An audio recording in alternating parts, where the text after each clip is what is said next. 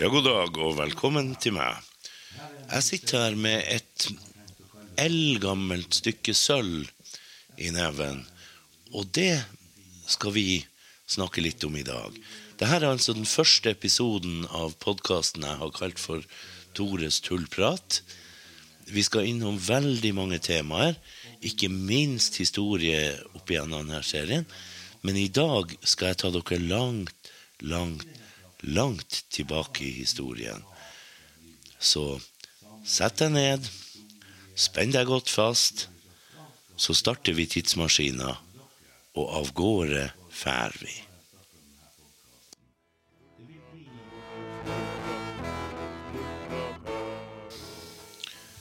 Jeg tenkte jeg skulle begynne kanskje med å snakke litt om antikken, om romersk historie.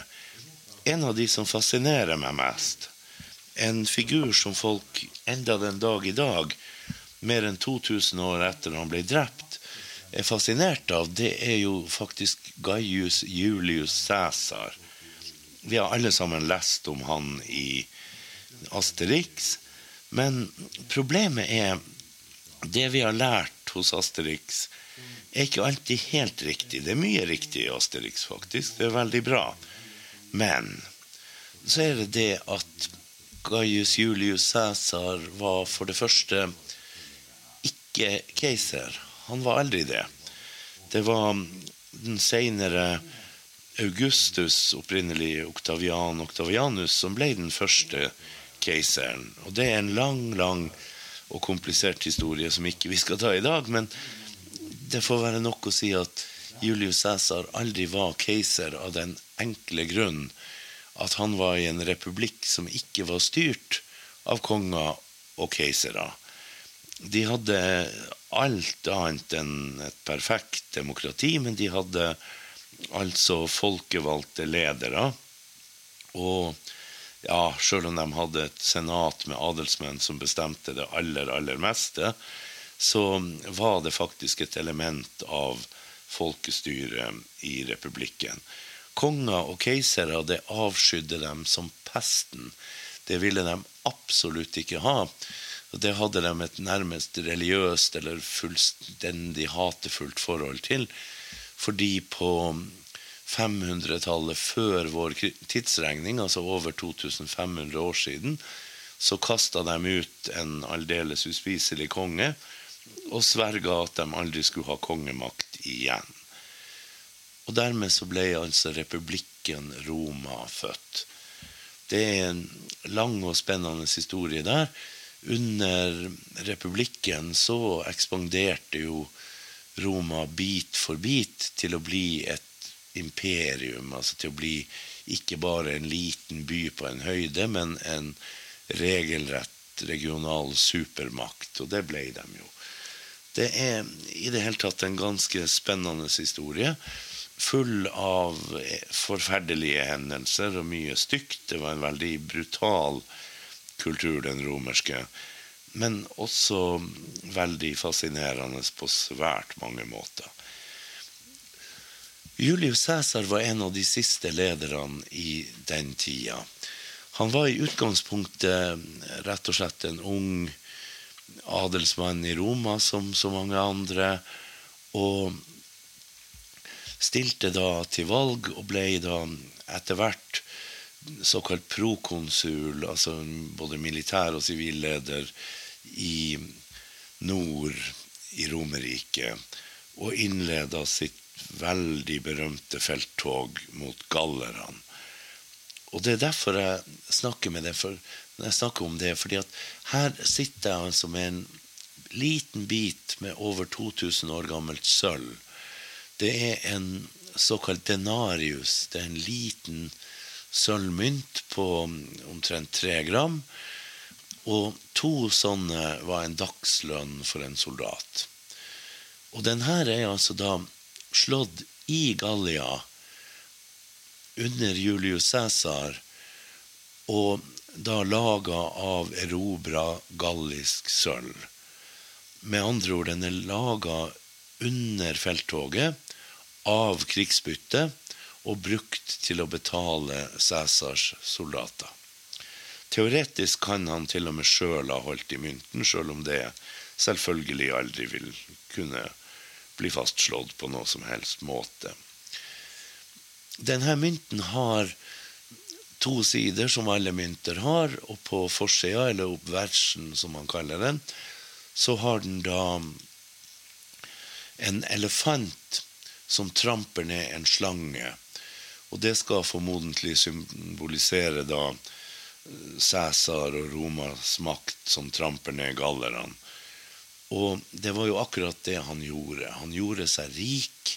Det var veldig viktig å ha sånne verv, for da kunne du bli steinerik. Og han trengte penger, for han hadde store ambisjoner.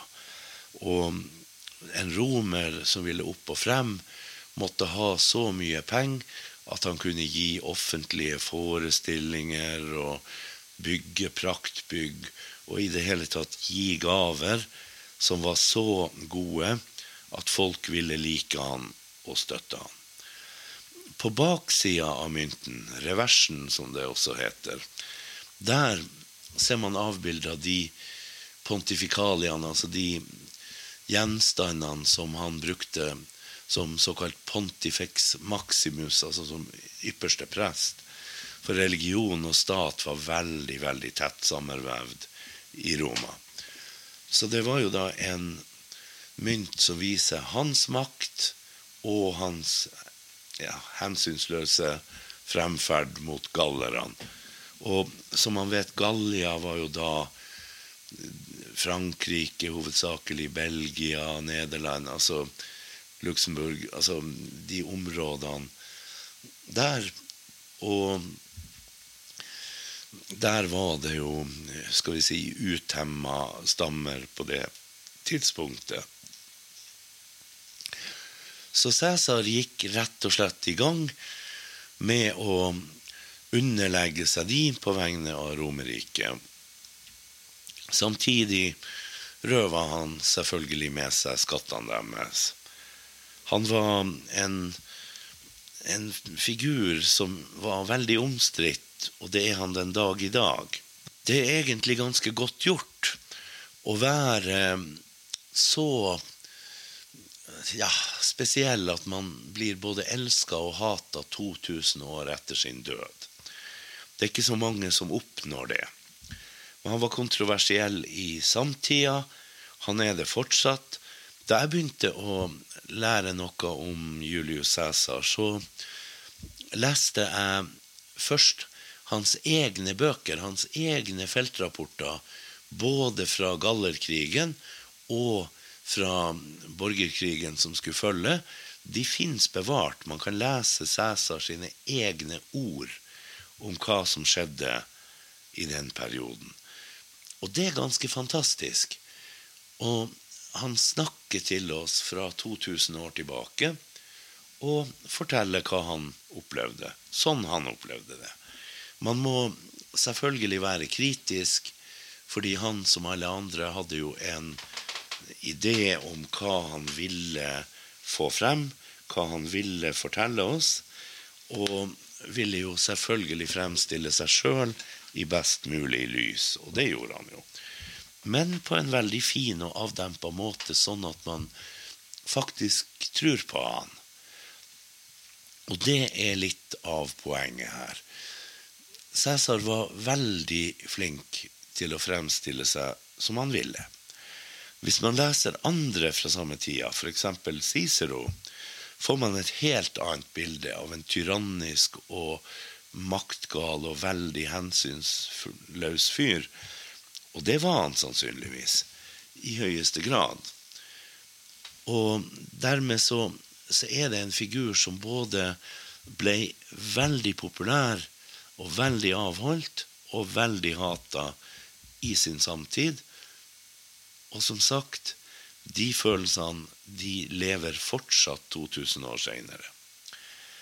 Cæsar var i det hele tatt en interessant figur. Han var ganske utypisk på noen måter i Roma, fordi at faktisk så benåda han en del ganger motstandere og det var ikke veldig vanlig i et svært brutalt samfunn som Roma, der man vel snarere tok livet av enhver motstander på de mest groteske måter. Men han benåda faktisk folk som overga seg, som han tok til fange. Og det er ganske utrolig. Samtidig så var han jo særdeles brutal på, på godt romersk vis.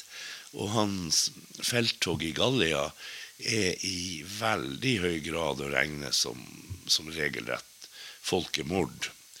Han ja, han rett og slett han utsletta hele samfunn. Han var slett ikke alltid nådig. Han, det går en historie om da han som ung mann ble tatt til fange av pirater og holdt for å få løsepenger og sånt. Og han kom seg jo fri, og han returnerte med en styrke og rett og slett overmanna piratene og fikk alle sammen korsfesta. Det var ikke mye nåde å snakke om der. Og i det hele tatt Så man kan liksom ikke snakke om han som en nådig og hyggelig mann i en svært brutal tid samtidig som han mange ganger viste mer nåde enn de fleste av sine samtidige. Så en, en motsetningsfylt mann, og en veldig interessant mann. Måten han ble drept på, og årsakene til det, skal jeg komme tilbake til. Men de også viser jo hvor motsetningsfylt ting kan være. Cæsar sin største og farligste motstander i Gallia var høvdingen Vercingetorix. Han var en ung adelsmann som etter hvert tok til orde for å gjøre opprør mot romerne. Og til tross for ganske kraftig motstand i sin egen stamme av skal vi si, roligere hoder som mente at det var for farlig å gjøre opprør mot Cæsar, så klarte han å få med seg mange stammer og ble øverstkommanderende for deres styrker. Det skulle jo vise seg at de klokere hodene nok sannsynligvis hadde rett. Vercingetorix forsøkte å avskjære Cæsar sin kontakt med Italia ved å skulle angripe forsyningslinjene mellom Italia og Gallia, men klarte det ikke da Cæsar kom han i forkjøpet. Men Vercingetorix hadde militær suksess. Han vant over Cæsar bl.a. i slaget ved Gergovia. Men han måtte trekke seg tilbake til Alesia, og der ble han beleira av Cæsar. Cæsar fikk bygd forsvarsverka hele veien rundt Alesia og avskar byen fra enhver hjelp. Poenget var rett og slett å hindre Vercingetorix i å få forsyninger, mat, forsterkninger I det hele tatt en ganske voldsomt arbeid for å, å klare å, å holde Vercingetorix isolert. For å unngå angrep utafra, fordi Cæsar visste jo at det ville komme flere gallere til for å forsøke å bryte Vercingetorix ut, så bygde han forsvarsverkene så de fungerte begge veier. Så de både forsvarte mot angrep utafra og innafra byen. Og det skulle vise seg å være et genialt trekk. For det kom gallere. Det kom mange. Og de prøvde gjennom mange, men dessverre for gallerne dårlig koordinerte angrep, å bryte seg inn til Vercingetorix og få brutt gallerne ut. Det lyktes altså ikke, men det var veldig nære på på et tidspunkt. Da plutselig forsvarsverkene til Cæsar var under angrep både utafra og innafra samtidig.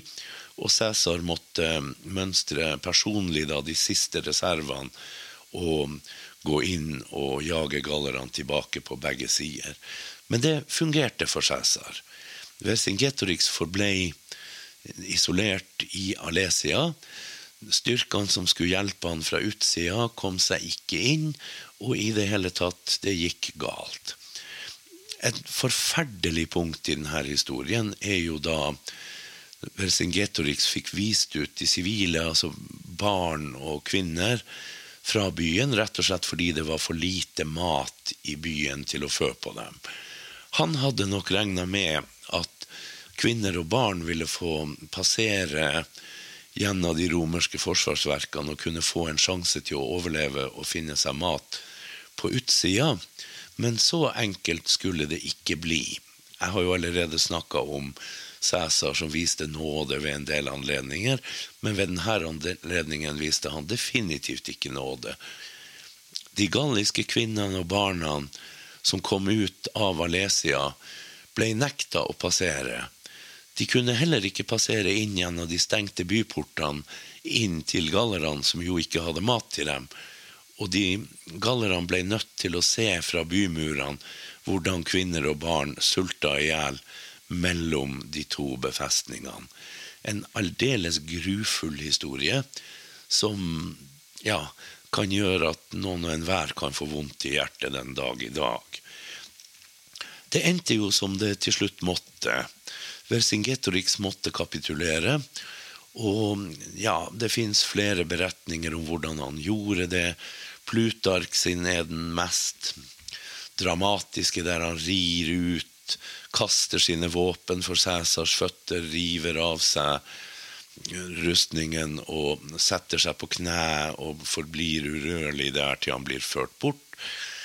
Cæsar sjøl beskriver det langt mer nøkternt og, og mindre dramatisk, men uansett, han overga seg til slutt. Han ble holdt i fangenskap i fem år i Roma, inntil Cæsar holdt sin store triumf. Triumf var jo da en sånn parade, et opptog hvor han viste sine suksesser. Og Vercingetorix ble ført i triumfen, veldig sånn synlig, der han ble ydmyka og piska fremover. Og når triumfferden var fullført, ble han da henretta. Og det er ikke beskrevet nøyaktig hvordan, men høyst sannsynlig var det på typisk romersk vis etter en triumf. Han ble da tatt til fengselet og firt ned i et mørkt kammer under bakken, der bøddelen venta for å kvele han med et tau. Det er høyst sannsynlig sånn det gikk med Vercingetorix. Vi kjenner jo alle som har lest Asterix, det ganske komiske bildet der Cæsar sitter på en stol, Vercingetorix kaster sine våpen for føttene hans, treffer tærne, og Cæsar roper 'au'.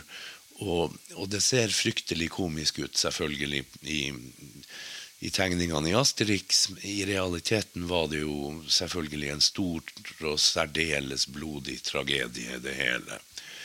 Og, men for Cæsar brakte det stor berømmelse og ære, og ikke minst gull og sølv erobra fra gallerne. Så sånn sett så kunne Cæsar være svært fornøyd med det her.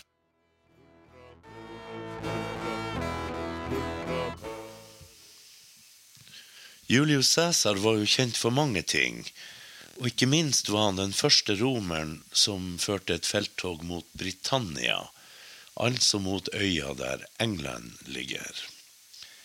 Han var rett og slett oppsatt på å prøve å komme over til et område som var utafor den kjente verden. Den kjente verden hadde jo sitt sentrum i Middelhavet, og Britannia var rett og slett ikke utforska enda av grekere og romere. Det her var en sak som ga stor ære, sjøl om Cæsar egentlig ikke oppnådde særlig mye med sine felttog. Han dro over i år 55 før vår tidsregning, da prøvde han å gå i land ved Dover, men kunne rett og slett ikke det, fordi britene sto på klippene overfor og kunne ha utsletta hele invasjonen med spyd og stein fra toppen av klippene. Han gikk imidlertid i land litt lenger bortover i Kent, og der kom han seg altså i land, fikk bygd noen små befestninger, så viste det seg at romerne var på ingen måte forberedt på rett og slett hvordan havet oppfører seg i de områdene. De kom jo tross alt fra Middelhavet og var ikke vant med voldsomme høyvann og værforholdene der. Og rett og slett i storm ble ganske mange av Cæsar sine skip ødelagt. så han måtte reparere det som repareres kunne, og trakk seg ut uten å ha oppnådd særlig mye.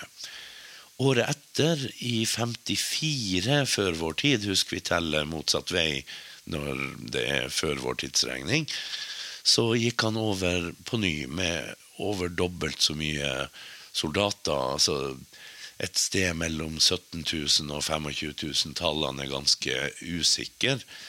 Men i alle fall han var over med fem legioner pluss en del kavaleri.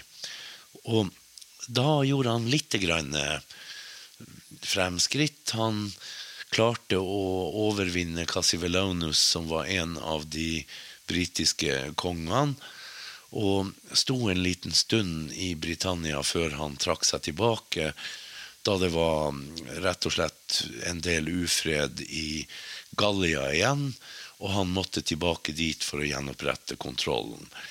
Så egentlig så oppnådde han ingenting i Britannia. Men det øka hans popularitet og ja, i det hele tatt hans anseelse at han hadde kommet over og utforska en del av da, et land som var utafor den kjente verden. Det var svært stort.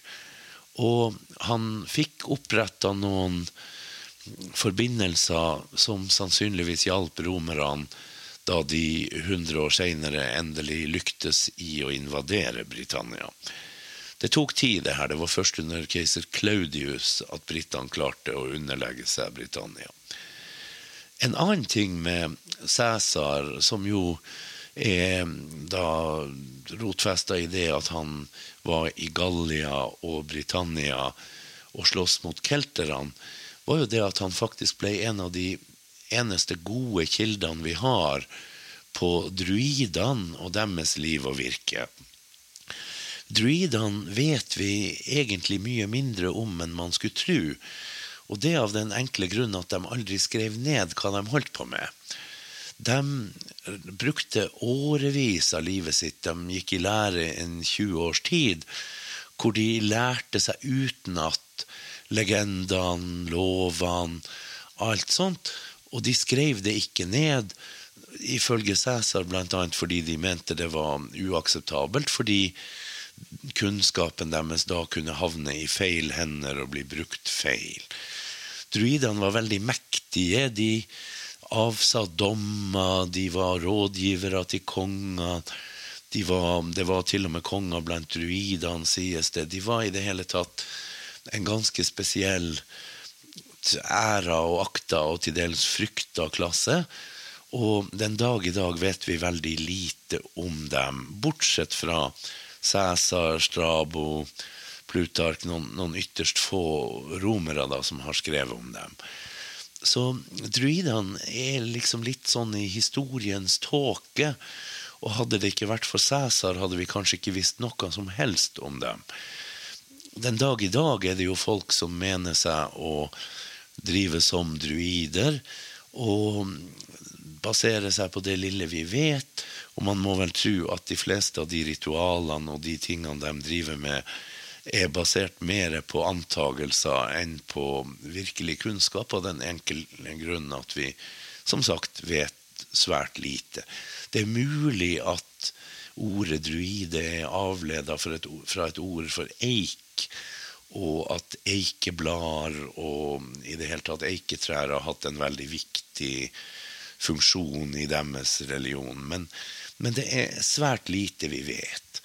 Men det lille vi vet, er altså på grunn av selveste Gaius Julius Cæsar, som kom dit for å slåss mot dem. Det er litt interessant å lese Cæsar, fordi at han på en måte så er han jo opptatt av å lære om denne kulturen. Han beskriver kulturen til folkene han slåss med, og han gjør det på en ganske interessant og respektfull måte. Samtidig som vi vet at hans krigføring mot dem ikke akkurat foregikk på noe respektfullt vis. Tvert derimot. Det var jo, som jeg har nevnt tidligere, mer et folkemord enn en vanlig overtakelse, det han gjorde i Gallia. Det han gjorde i Britannia, ble jo ikke så blodig av den enkle grunn at han egentlig ikke klarte å oppnå noe. Men man kan jo lure på hvordan det ville gått om han hadde blitt stående der og ført krig der over tid. Men, men som sagt, det er en motsetningsfylt mann, det her.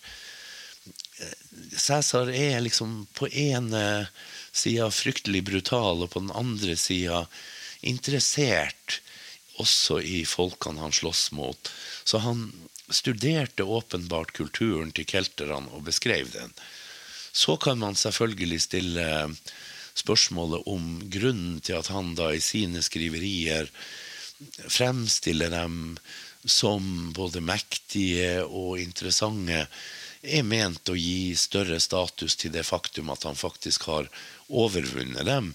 Det er jo ingen vits i å Eller det er jo ingen ære i å overvinne folk som er små og nedrige og barbariske og fullstendig usiviliserte, mens da når han bygger opp et bilde av en fiende som er verd å respektere, så bygger han samtidig opp sin ja, prestisje ved at se her, det her er de jeg har overvunnet.